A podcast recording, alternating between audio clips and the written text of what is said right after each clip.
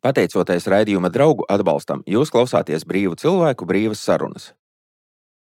Brīdinām, ka ierakstā var dzirdēt pa kādam lamu vārdam, neviens joks netiek paskaidrots, un katrs izskanējušais vārds ir runātāja personīgais viedoklis. Šajā sērijā dzirdēsiet, Bija trīs partiju šaurā, tagad ir trīs partiju plašā. Bija mazā koalīcijā ar 53, tāda lielā 51. Nu, viens sakot, domas gigantu kariņu apsveicam. Ir skaidrs, ka ir vajadzīgs viens ātrs dzelzceļa tanku pārvietošanai no Vācijas un Polijas uz šejienu, un viss. Un līdz ar to de facto īpašnieks uz to brīdi ir nevis tas, kurš ir it kā nopircis, bet tas, pie kura tās akcijas glabājas, kamēr rados naudu.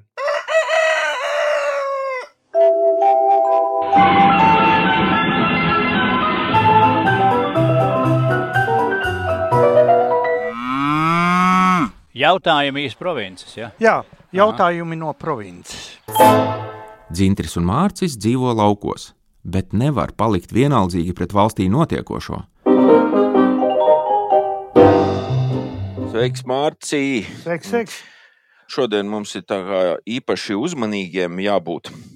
Jo nebūtu smuki, ja dzintris atgrieztos un izrādītos, ka šīs sērijas, kuras mēs rakstām bez viņa, jo, kā jūs visi klausāties, zināt, dzintris ir afrikānis, tāpēc ka viņam kaut kas slikts būtu noticis. Tieši otrādi viņam kaut kas labs noticis. Viņš nav šeit, tāpēc ka viņš ir Āfrikā. Tātad, un ja šīs sērijas mēs rakstītu, un dzintris atgrieztos un ieraudzītu, ka šīs ir nenormāli populāras, nu tur tūkstošos pārsit, būtu nesmuki, vai ne? Mums Nē. jāraksta kaut kā tā pieticīgi, tā liesās kaut nē, kā. ir jāuzmanās, es domāju, citu iemeslu dēļ. Nu, Ka tajā brīdī, kad nespē- nav klāt un neiedod to nu, tādu iepaļojumu un brīžam tādu līdzsvaru un mierinājumu, tad tas mans ekstrēmisms labāk izpaužās. Un pēc iepriekšējām Twitter diskusijām var redzēt, ka tur bija nu, četras niknāk pa parasto. Ja? Tā varēja būt. Mhm. kas nozīmē, ka man ir izdevies nu, īstenībā diezgan ierasta lieta apkaitināt mūsu pašu atbalstītājus. Ja? Parasti nu, mani uzskati visbiežāk nesakrīt ne ar tiem, kas ir par kaut ko, ne ar tiem, kas ir pret kaut ko. Un es nekautrējos tos uh, paust. Un reizēm tādā skaidrā formā, un reizēm diezgan tādā metaforiskā. Un varbūt, ka vairumam klausītāji bija mierīgāk tā klausīšanās, kad dzintris bija klāts. Es domāju, mums no tā vairāk jāuzmanās, ka atbrauks dzintris, mums vairs nebūs publikas. Viss vis būs izklīduši un pārslēgušies uz Latvijas Rādio 2 teiksim, ziņām. es kaut, es kaut 12. Labi, cerēsim, ka mums tomēr eh, nedaudz izdosies eh, kādu dvēseli stīgu aizskart un tēmas, par kurām eh, bija nolemts parunāt.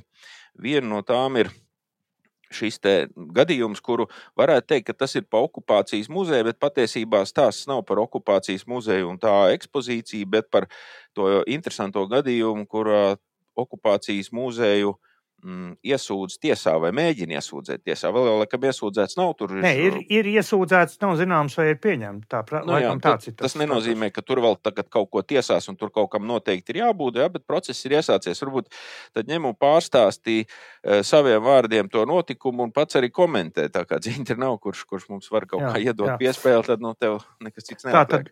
uh, pati tā ziņa varbūt man nemaz, man viņa tā varbūt tik ne, neiekrīt acīs, bet uh, tajā pašā mūsu Twitter burbulī bija uh, tik attīstīta diezgan interesanta sazvērstības teorija. Bija tas retais gadījums, kad bija loģiski, ka varētu nostrādāt divu gājienu kombināciju. Tā tad pati pamatziņa ir tāda, ka zvērnāts advokāts Renārs Briedis iesūdzējis tiesā okupācijas muzeju, jo uzskata, ka muzeja ekspozīcija satur melus.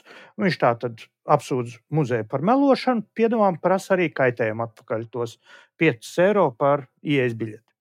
Un eh, sazvērstības teorijas pamats ir tajā, ka gadījumā, ja šāds process iet uz priekšu, un kad caur tiesu tiek vai nu pierādīts, vai vismaz apšaubīts, cik patiesas ir okupācijas muzejs, tad tas var noderēt mūsu glorificētās glorijas otrajā krimināla procesā. Jo šis kungs pie viena ir arī Glorijas Grevcovs advokāts. Avot, tas nav zināms. À, tas ir tik Tas izrunāts. bija tikai tas tajā tvītā.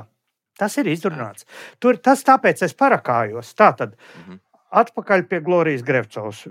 Es pieņemu mūsu klausītājiem, šis vārds ir pazīstams. Mums ir tik daudz klausītāju, ka varētu būt, ka pat kādam ir pazīstama pati Glorija, ne tikai viņas vārds. Bet nu, par to mēs šodien Varbūt ne tikai no ārpuses, bet arī no iekšas. Ja, tā sakot. nu, uz, uz 5000 cilvēkiem varētu gadīties, tīri statistiski. Tā tad viņai tika inkriminēta nepatiesu ziņu sniegšana Centrālās vēlēšana komisijai iesniegtajos dok dokumentos. Tas ir nopietns pārkāpums. Tur bija liela kasīšanās, pierādījuši, ka viņa ir rakstījusi to, ko viņa nav rakstījusi, viņa nav sapratusi, viņa pat nav rakstījusi. Nu, tur bija diezgan liels tas jandāls, bet galu galā tā lieta līdz tiesai nonāca. Uh, Saima izdeva atļauju šo kriminālu procesu turpināt, jo tas process sākās pirms viņa bija pēc de, kļūst par deputātu. Tur ar tāds juridisks kāzus bija. Bet te ir tāds punkts, ka šī krimināla lieta ir redzama publiskajā telpā, un viņas advokāts ir viņas saraksta biedrs Vilis Sroģis.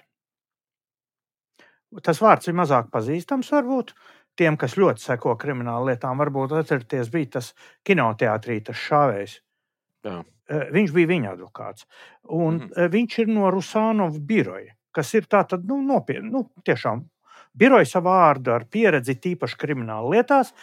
Un šajā CVK uh, melošanas lietā uh, Glorijas Grevcovs advokāts ir viņš, nevis kāds cits. Un tas ir tas, kas ir publiski redzams.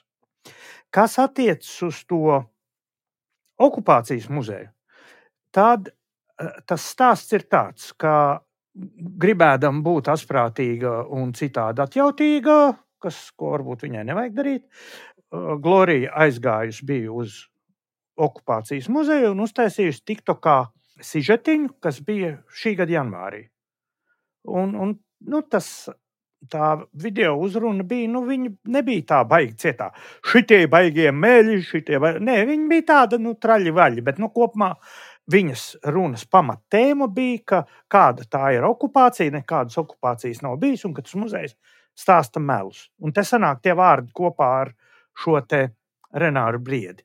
Tā tad tika iesniegts iesniegums uh, drošības dienestam, un uh, drošības dienests izdarīja pārbaudi un uzsācis kriminālu procesu par PSRS un Nacistiskās Vācijas īstenotā genocīda, noziegumu pret cilvēci, noziegumu pret mieru, karu noziegumu pret Latviju un tās iedzīvotājiem publisku slavināšanu, noliekšanu, attaisnošanu vai rupju noniecināšanu. Tad tur ir līdzīgi kā tam šlesera parakstīšanām. Viņas ir vairākas. Ja?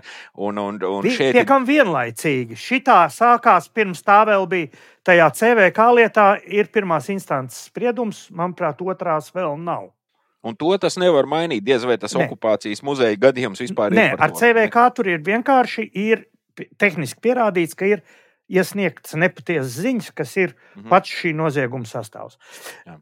Šajā te lietā, kas ir ierosināta 30. janvārī 23. gada, nav redzama nekāda jaunuma. Krimināla process ir sācies, kur viņš ir, kā viņš ir, kas ar viņu notiek. Līdz ar to virspusē nav redzams advokāts. Es šobrīd nespēju ieraudzīt to sakaru ar Renāru Briedu citu, kā tas, ka viņiem sakrīt tā ziņa kaut kādā punktā. Varbūt kāds mūsu klausītājs. Uh, Jā, tas, zina, kurš bija uzrakstījis, es, es uzrakstīt. kā? atvainojos, es pēc vārdu vairs to mūsu klausītāju neatminu, uz kur Twitter.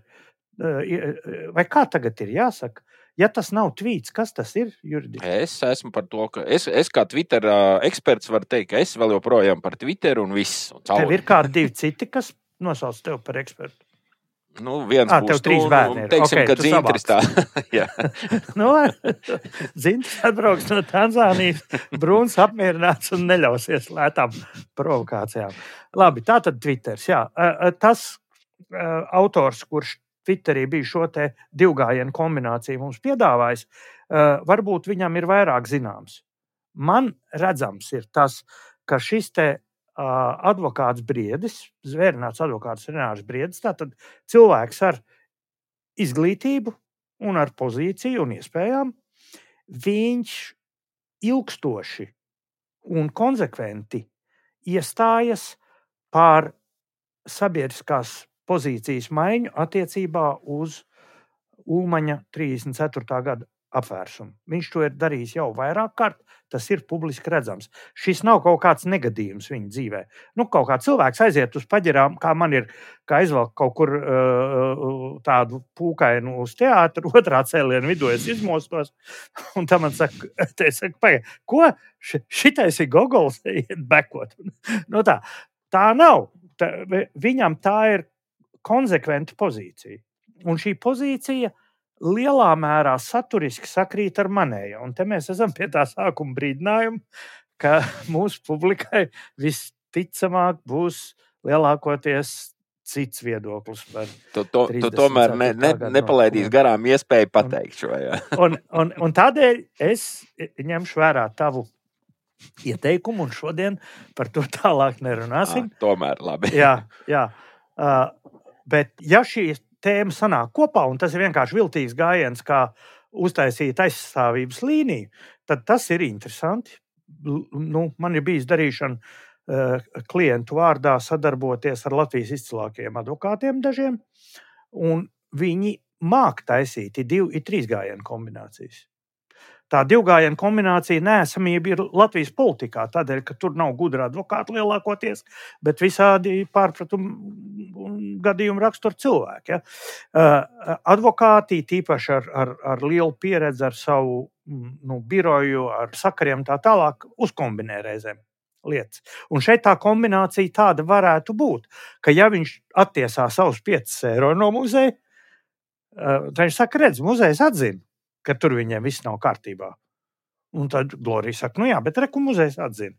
Un advokātam bieži vien nav nekas jāpierāda, viņam jārada šaubas. Jo pierādīt var notikušu faktu. Fakta nēsamību tā tehniski pierādīt nevar.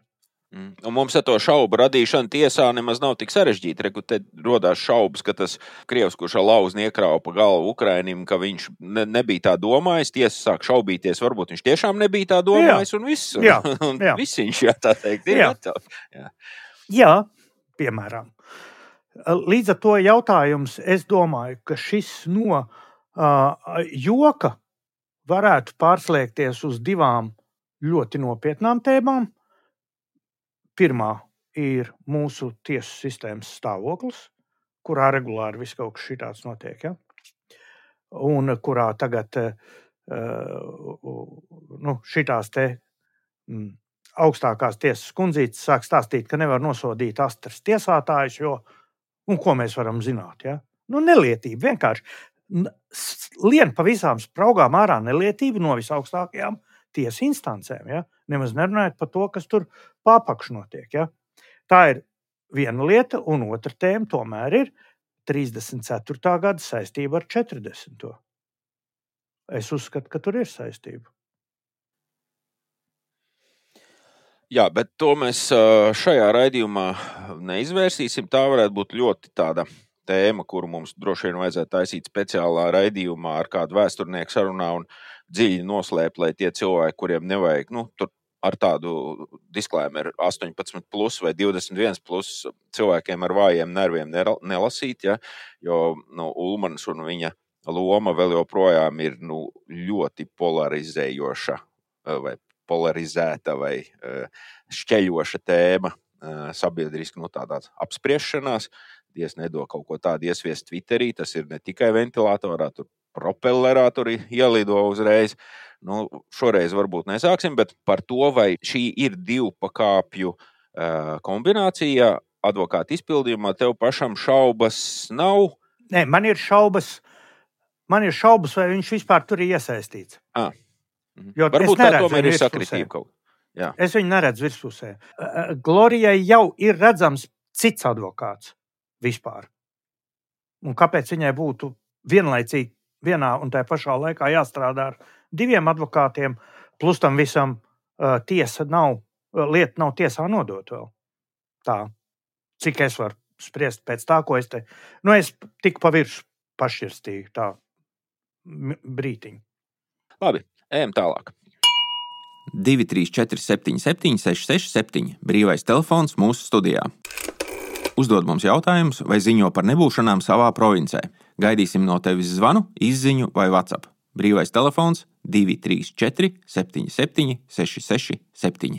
Pagājušā nedēļā notika notikums, kurš pirmajā brīdī, kad izskanēja, prasījās uz tādu plašāku skanējumu, bet praktiski tika aizmirsts droši vien kaut kādu stundu laikā. Uh, ir runa par pirmo no jaunās vienotības kuģa, nezinu, vai grauzēju, vai kādu citu zvēru, kurš pamucis vai pamucināts no turienes. Kungs ar ļoti skanīgu uzvārdu Ceļa Pīters. Un mums likās, ka tomēr varbūt vajag šo te atgādināt, un varbūt tur vajag paskatīties, vai tur apakšā kaut kas nav. Mārts, Tātad, tu paskatījies, vai Es- tu atradi kaut ko apakšā. Es, man ir Zēni. hipotēzes tikai. Es spriežu tikai pēc tā, kas te apkārt ir rakstīts. Ja? Mhm. Tā tad valdošās koalīcijas lielākā frakcija pēkšņi nolēma samazināties par vienu. Jautājums, kas pa lietu? Nu, kas ir noticis? Ja? Tas ir diezgan loģiski pajautāt. Tā tad pats ceļa Pīters, ka viņam varētu būt kaut kāda nieza piemetusies, nu, ka viņš nespēja nosēdēt vienā vietā un, un maina partijas, nu, kā teiksim, tur smiltēns kāds vai citi tādi mums pazīstami personāži. Tas uz viņu galīgi neatiecas. Viņš ir startējis politikā jau sen, 90. gadu vidū, savā pagastā. Viņš ir no Madonas puses, no Praulienas. Viņš kļuva par Praulienas pagastu padomus priekšsēdētāju 94. gadā. Un pēc tam 98. gadā veidojoties Tautas partijai, viņš nokļuva Tautas partijas, nu, kā saka, pirmajā iesaukumā un eh, turpināja būt madonietis viscaur. Tātad viņš bija Madonas rajona padomus priekšsēdētājs no 97. līdz 2009. 2001. gadā pašvaldību vēlēšanās viņš jau tika ievēlēts Madonas domē no Tautas partijas, kļuva par domas priekšsēdētāju vēl vienreiz 2005. Vēl vienreiz 2009. Viss tas no Tautas partijas. Un 13. gadā viņš tika ievēlēts no vienotības. Šis ceļš uh, daudziem vietējiem līderiem bija augstākā mērā dabisks, jo tajā laikā vienkārši Tautas partija pazuda no uh, kartes. Latvijas politiskās. Un populāriem pašvaldību līderiem bija jādomā, kā dzīvot tālāk. Varbūt atcerieties, Kuldīgā bija populārs mērs Zalāns, kurš kļuva par Tautas partijas pamatsastāvu spēlētāju un arī ministru. Viņa vietu ieņēma viņa iepriekšējā vietniece Bērziņa, kurai bija visu laiku attiecības ar Tautas partiju, un tad šmikt un pārslēdzās, un tagad viņa ir vienotības deputāte. Ja? Tā, tas ir normāls, normāls ceļš. Un uh, ceļa Pīters turpināja startēt vēlēšanās no vienotības. Viņam ir ilga karjera vienotībā, desmit gadi. Un 22. gadā viņš startēja uz saimnu un tika ievēlēts saimā. Un līdz ar to tikai divas partijas, stabils, mierīgs, prātīgs, racionāls, droši vien aprēķinātājs. Un tas konflikts, kā es sapratu, kur nav pretruns starp to, ko es dzirdu no, no vecrīgas eh, draugiem un to, kas ir bijis avīzē, ka viņš ir iestājies divos punktos pret frakcijas viedokli un ne tikai diskutējis, bet arī pieņēmis tā sakot, eh, praktiskus soļus. Nav balsojis komisijās. Viens bija, pirmais, starp citu, bija par to PVN likmi dārziņiem, kas ir faktiski nu, pašvaldībai ļoti saprotama, pašvaldību cilvēkam ļoti saprotama tēma. Ja? Viņš neatbalstīja vispār to uh, PVN to palielināšanu. Un otrs, viņš neatbalstīja Stambulas konvencijas nodošanu tur komisijām vai kaut kā tā tur bija. Tas. Uh, nu, viņš procedūru neizpildīja. Un šeit ir interesants moments, ka visa šī rezultātā nevis viņš izstājās no frakcijas, ko es biju kļūdaini iedomājies, bet viņš tika izslēgts no frakcijas. Un šeit ir tas, tie divi secinājumi, man nāk prātā tagad. Varbūt pat trīs. Viens ir personīgais par ceļu Pīteru. Uh, Es paskatījos, kāda ir bijusi viņa pozīcija jaunajā vienotībā uz tām vēlēšanām. Viņš ir vidzemes sarakstā startējis, un viņam ir bijis tikai devītais numurs Vidzemes sarakstā. Uh, Vidzemes sarakstā startēja Kariņš, Latkovskis, Siliņa, Čudars, ba baigie līderi. Ja? Un viņam pagājis garām vēl piedāvājumi ir Hosams Abu Merī uh, no 29. vietas, no pēdējās vietas sarakstā izstartējušais ar baigiem plusiem tur. Viņš gan ir pats arī dabūjis 500 plusiņus, apmēram vairāk nekā mīnus, kas viņam ir devis sesto vietu, no 9. uz 6. Bet redziet, tas ir pie situācijā, ka vispār astoņi no vidzemes ir ievēlēti. Tas ir ļoti daudz.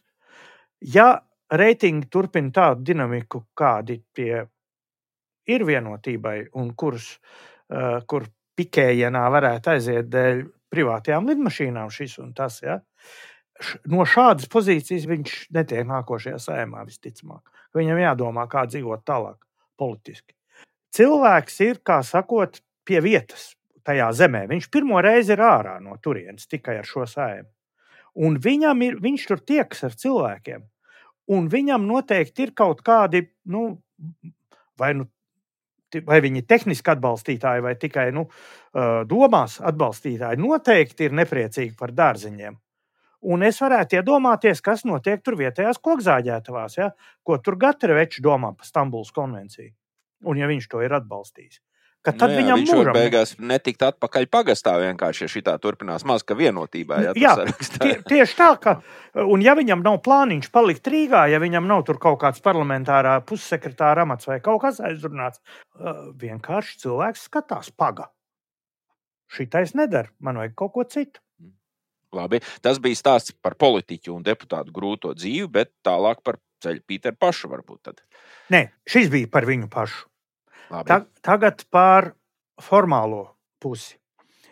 Pēc šīs te izslēgšanas trīs koalīcijas partiju frakcijās ir attiecīgi 25, 16 un 10 deputāti, kopā 51.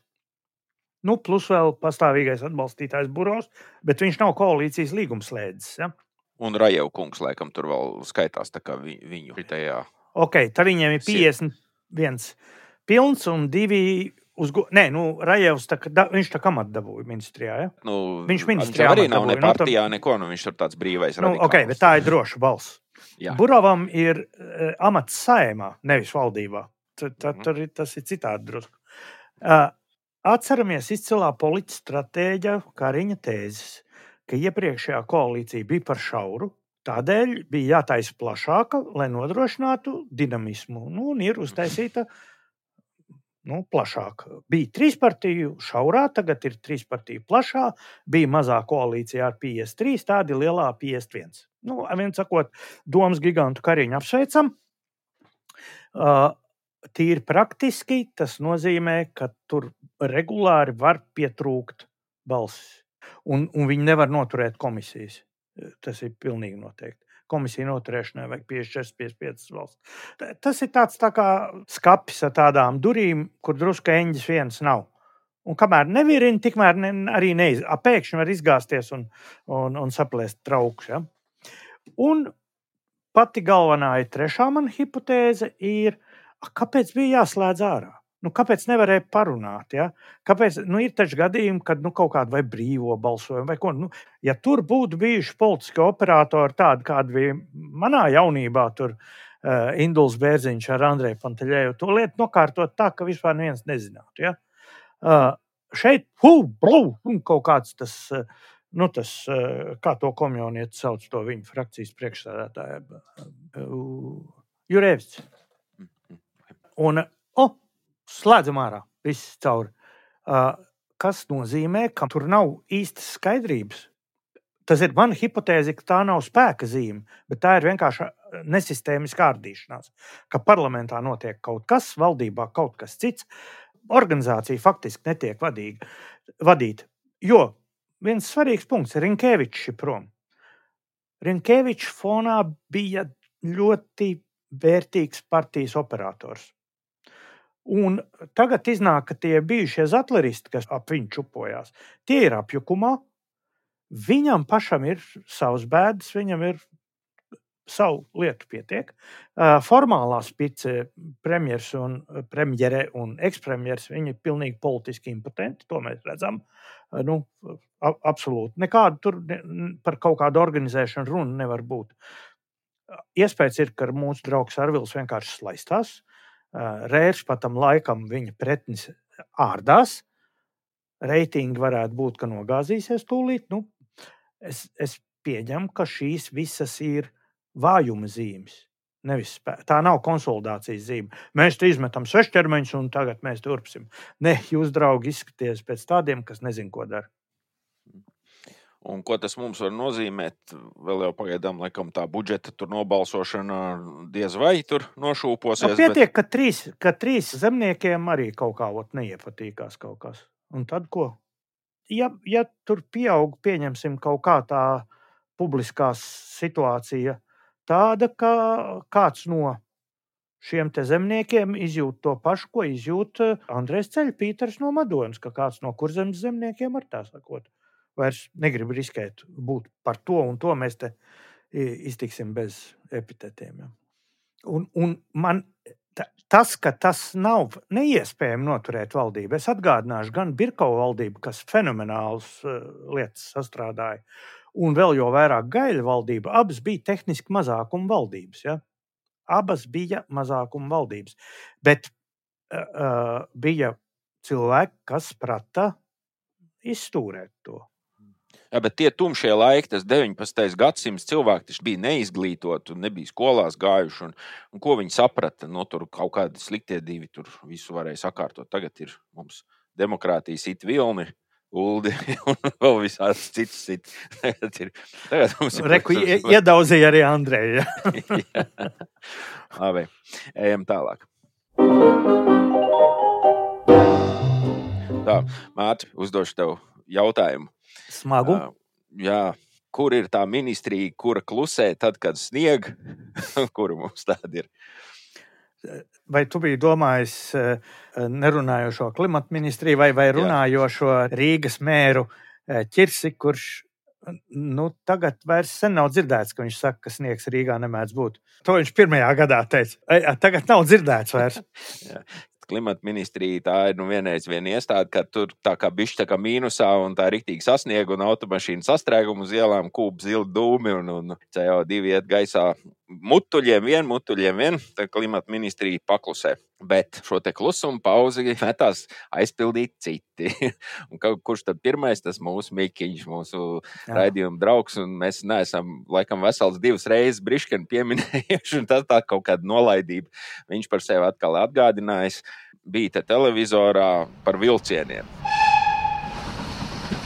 Es domāju, ka šeit ir jābūt jaunai atklātības ērai šajā projektā.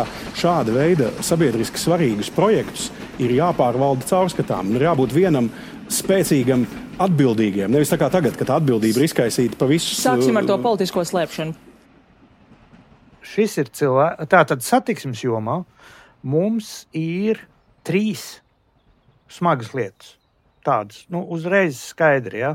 ilgstošas smagas lietas.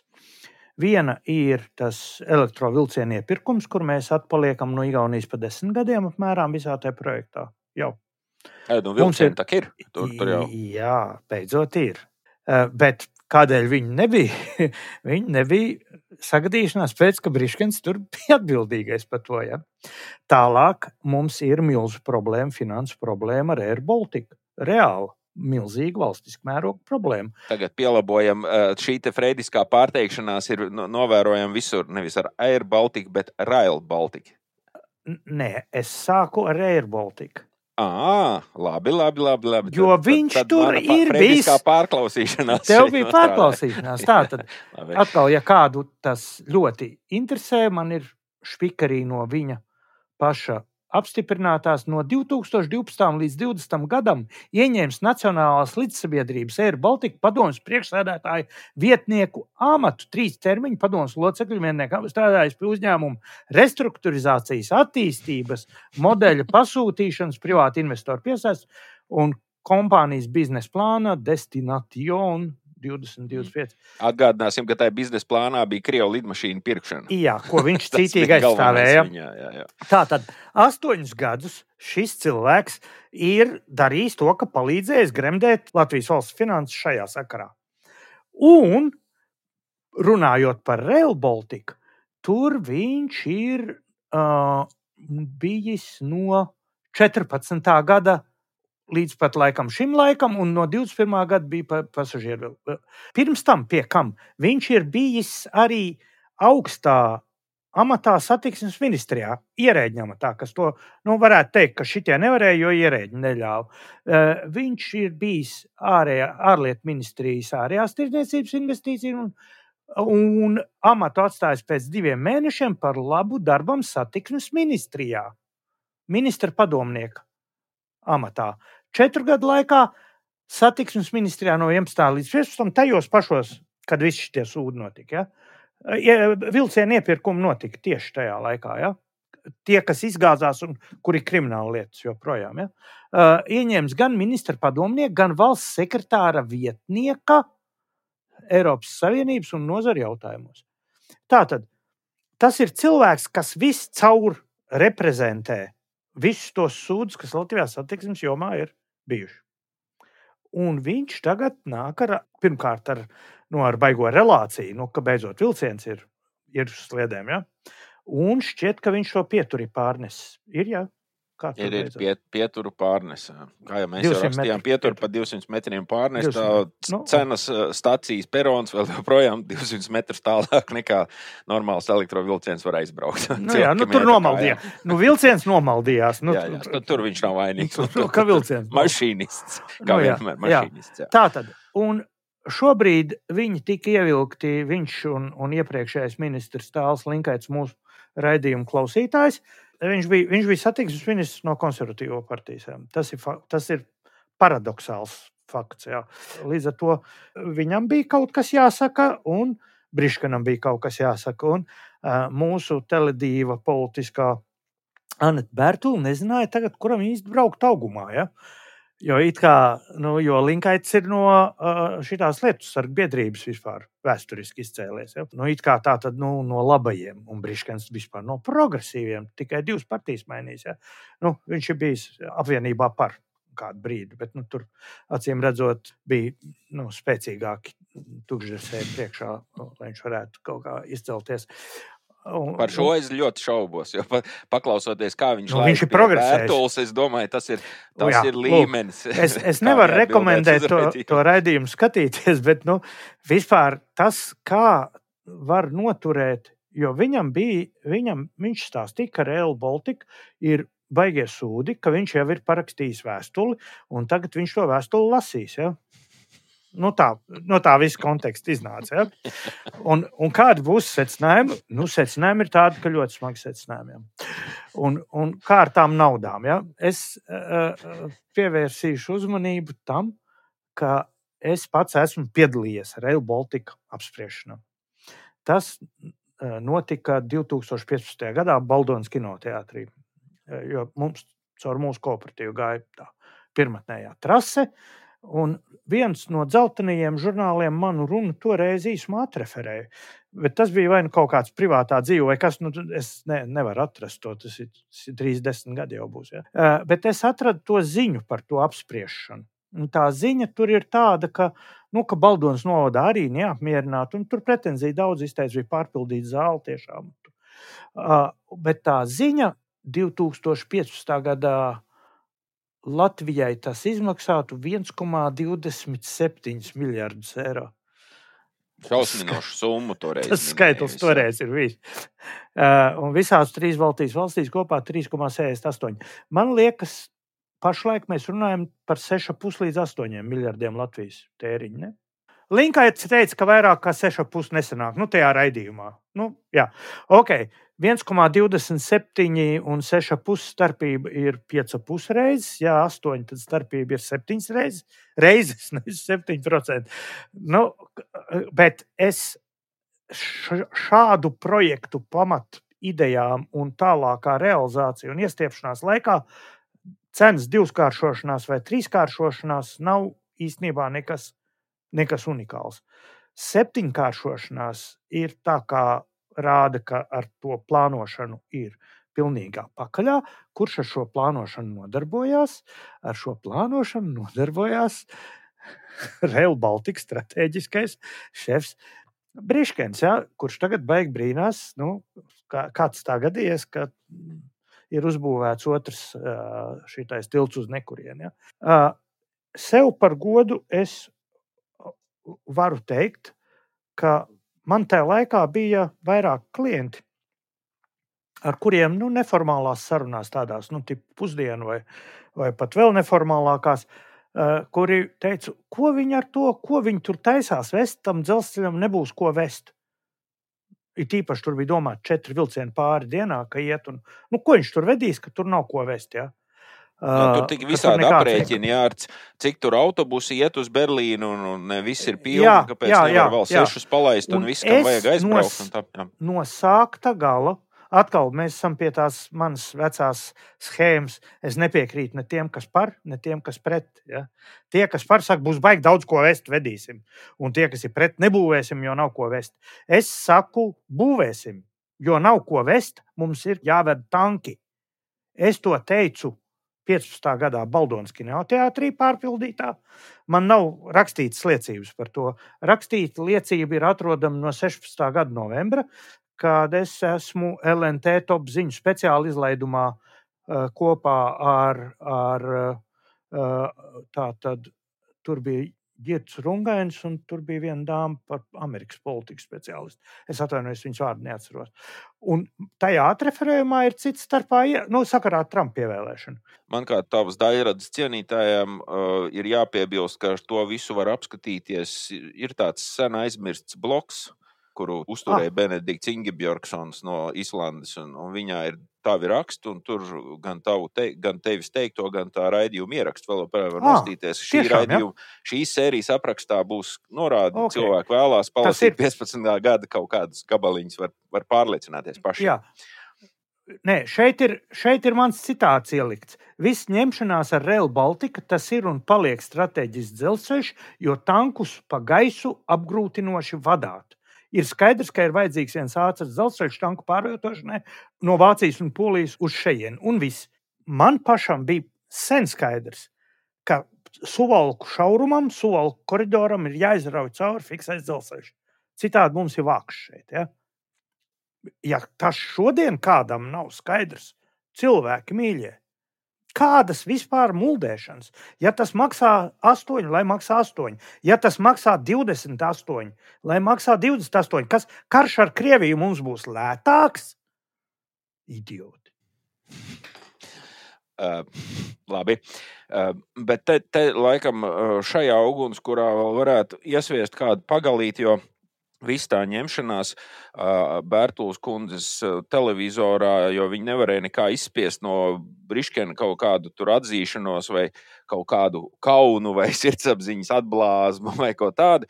Viss beigās noreducējās uz to papildus tam izdevumiem, tam līkumam caur Rīgu. Ja, kas arī jau toreiz, jau tajos 11. gados, bija tagad pieņemts, teikt, kontroversāls jautājums, vai vajag vai nevajag. Toreiz tur gāja runa vairāk. Tur bija runa par Agenskalna glabāšanu, jau tam dzelzceļam tur jāmauc cauri. Tas viss jau toreiz bija, un tagad it kā, kā atkal no jauna. Un nauda un braukšana caur Rīgu, tas uz visu šī fona, tad, tavuprāt, ir vēl viena lieka diskusija par visu šo. Jo tanks taču caur Rīgu nav jāved tankus vedīs pa taisno, pārpa, man šķiet, Daugmāla salaspils, tur tā līnija. Man šķiet, tur ir sākts būvēt. Jā, jo cilvēki nu, ne, varbūt ne katrs ir sapratis, ka tur nav variants vai vai. Tās, vai nu ir abas līnijas, vai tikai tā pa taisno, ne, a, neiebraucot Rīgā. Tā ir obligāti. Bez tās nav nekādas. Bez tās jēgas, nav. Bez tās jā. vispār nav. Tā tad Rīga nav nobombardēta un nav sagrauta visos šajos drausmīgajos karos dēļ savu novietojumu.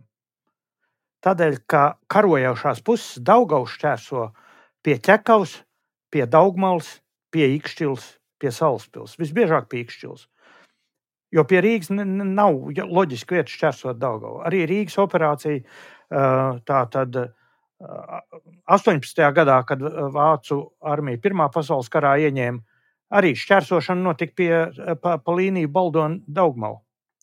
Uh, tur bija ķīmiskie ieroči, latviešu strēlnieki stāvēja tur pie, pie mazās jūglas, un, un vācieši aizgāja uz Rīgu. Krievu 12. armija izgāja, vienkārši izbrauca pa dzelzceļu Mugdam līdz Inčkalnam, kur izveidojās jaunās, jaunās pozīcijas. Iekšā, kad nāca Krievi 44. gadā, kaujas notika pie Moras. Rīgā iegāja bez šāviena. Visi šie stāsti par Stučenko, Rebenko, kas kaut kā tur e, pieķēries pie vecā matrača, kaut kur Bolderājā bija iekritis un pārpeldējis pāri nejauši otrā pusē. Tas viss ir murgi. Rīga tādēļ palika vesela, ka vienīgā reize, kad Rīgā ir tā reāla karoca, ir 19. gadā Bermudiādē. Tad tos tiltu gals visus nospridzināja ja, ar artēriju. Rīga ir jāapiet pēc visas un jebkuras loģikas. Un tas šķērsojums pie Ikšķils vai, vai pie Salaspils uh, nav svarīgi, kurā vietā ir loģisks. Tā ir loģiskā, pareizā trase. Tie, kas nezina, kur ir vecākā mūra māja Latvijā, mūsu klausītāji zina, tā ir Mēnarda sala Ikšķilē. Vecākā, tas ir 12. gadsimts. Rīgu sāka mūrīt, taisīt 13. gadsimtā. Ok, tur ir tikai daži gadi starpā. Bet tur sākās ārkārtīgi sens centrs, Fon Ikskulu dzimta. Vēl joprojām Vācijā ir dzīva eh, barona, Ikšķils barona. Tas ir brauciens cauri Rīgu pats par sevi. Vienmēr bijis sarežģīts un nevajadzīgs. Tur, tur neko nevar darīt. Bet tad ir jautājums, vai mēs kā valsts gribam piedalīties Rail Baltica projektā, no kura tiek izsvītrot šo valstu lielākā pilsēta un lielākais satiksmes mezgls. Nu, tas nevar būt īsti pareizi. Un līdz ar to ir jābūvē abi. Nu. Vienīgais, ko pavisam mēs ziedojām, ir tas, ka tas būs kaut kāds nenormālais ātris vilciens. Tas tur neiznāk. Nu, viņš būs vilciens, ar kuru bez pārsēšanās varēs braukt. Ja? Bet nu, vi, viņam galu galā tajā ātrvilciena vari, variantā pieturu skaits tā arī bija paredzēts. Tallina, Rīga, Viļņa nu, un Varšava. Ja, ja tā to var uztaisīt, tas būs ātri diezgan. Un tomēr tas būs ātri diezgan. Tas, tas īstais ātris vilciens būs kraus vilciens, kur nevar pagūt, paņemt koordinācijas, lai sašautu raķeti. Nu, viņam jābrauc tik ātri. Tas mūsdienās jau ir nu, pilnīgi iezīmējies. Nu jā, svarīgākais laikam tagad ir nevis caur kuriem palaist to dzelzceļu, bet kaut kā noturēt to briškenu no tām pozīcijām, kurās viņš varētu šito vēl no šīs vietas tālāk sačakarēt. Tas varētu būt tāds plāns vai mērķis. Šeit varētu izteikt pavisam savu tādu, pavisam minējumu, ne, nebalstītu neiekšā.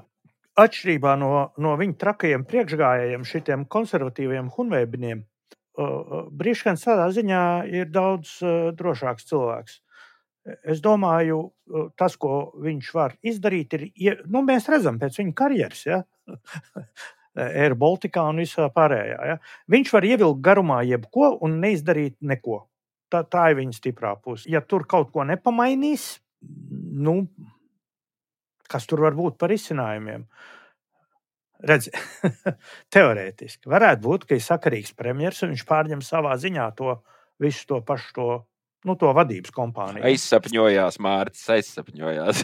tā Latvija nav šo valstu sarakstā, kur varētu būt atrodams sakarīgs premjerministrs. Tā jau nebūs, ka mēs iedosim pretī nesakarīgu NATO šito ģenerālsekretāru, mums atsūtīs no kaut kādas smukas valsts vai nesakarīgu premjeru. Tā tas laikam nenotiks. Tās maiņas darījums nebūs.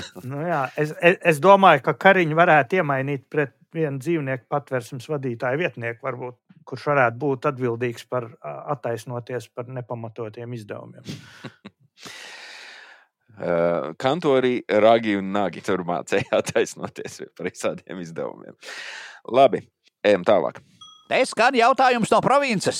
Telefona radio raidījums, kuru Latvijā klausās katrs ministrs un katra deputāte. Nepaliec par vientulīti arī tu. Noklausies pats, Pārsūti raidījumu radiem un pastāsti kaimiņam, ko dzirdēji jaunajā sērijā. Izglāb draugu no garlaicības un nezināšanas, uzaicina viņu raidījuma klausītāju pulkā. Un tuvojoties šīs te e, liesās sērijas laimīgajam noslēgumam, gribu atgādināt visiem klausītājiem, ka vēl joprojām katru nedēļu mums ir par šādai jaunai sērijai. Neraugoties uz to, vai mums dzintars ir vai nav, šonadēļ ir, nākamnedēļ būs un tā turpināsies. Visas sērijas ir klausāmas visiem. Tāpat arī visi var klausīties speciāli izlaidumus, kur varbūt kādam ir sajaukuši to prātu, kur tur viņus meklēt un kā.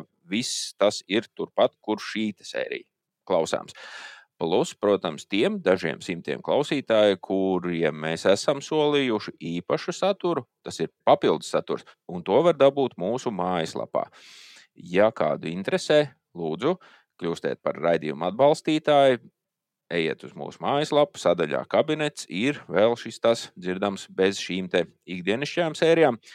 Un kā jau tradicionāli šo sēriju pabeigsim ar mūsu rubriku Jautājums no provinces. Mārcija, varbūt ievadam nelielu stāstu, kāpēc tāds jautājums, un beig beigās jautājums mūsu klausītājiem apdomāšanai.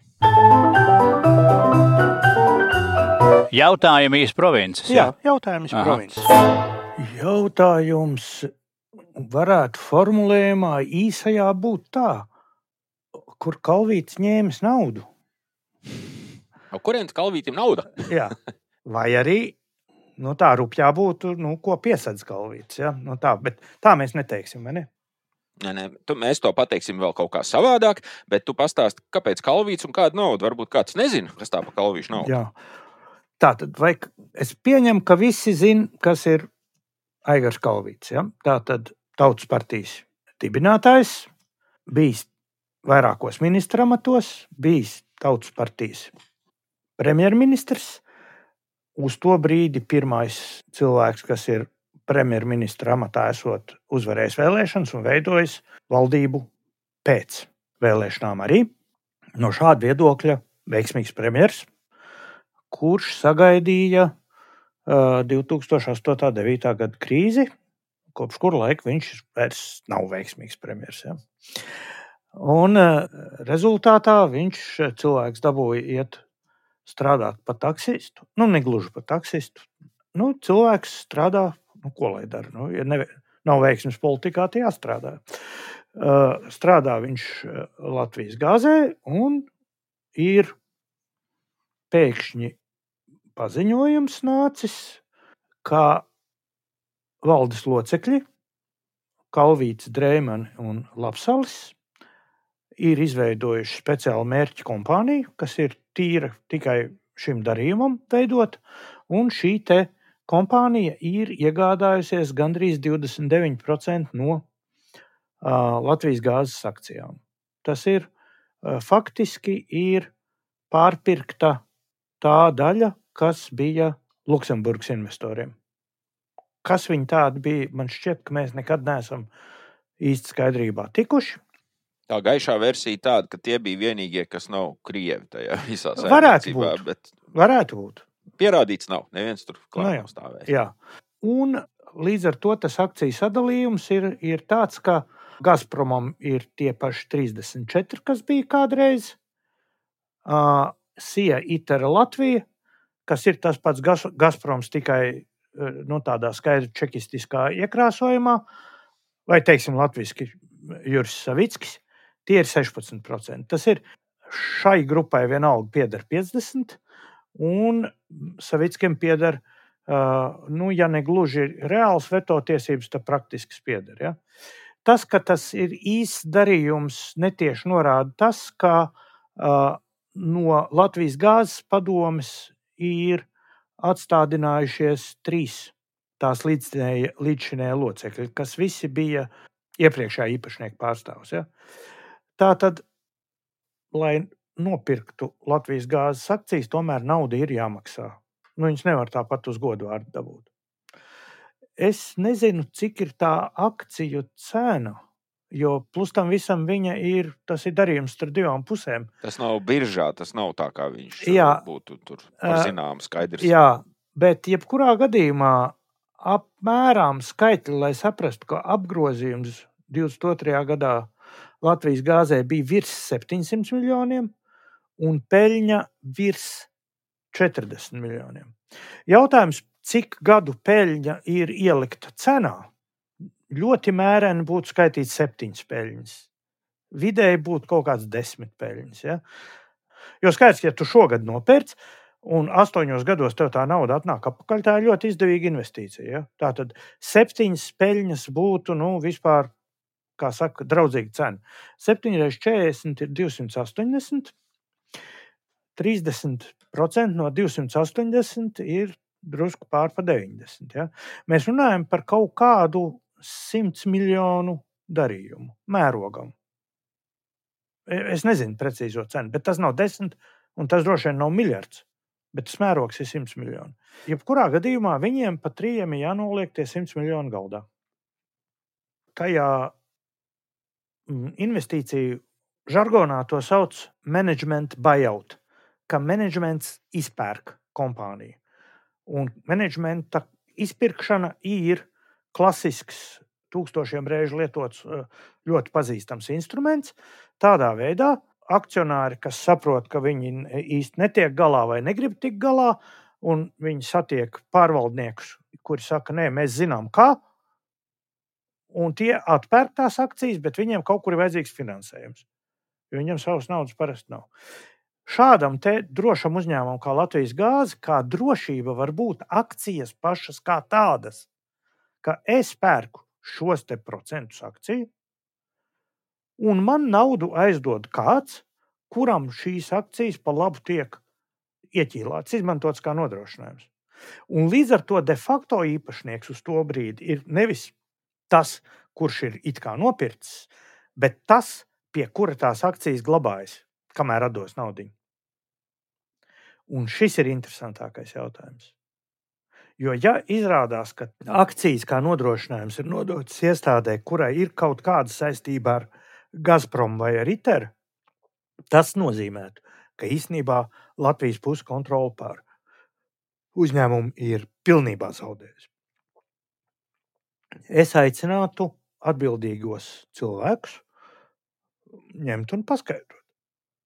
Šis, šī nav joka lieta uzdod vēlreiz šo ne joka jautājumu. Jautājums ir, kurā skapītī ir noglabātas Latvijas gāzes akcijas kā nodrošinājums valdes locekļu pirkumam?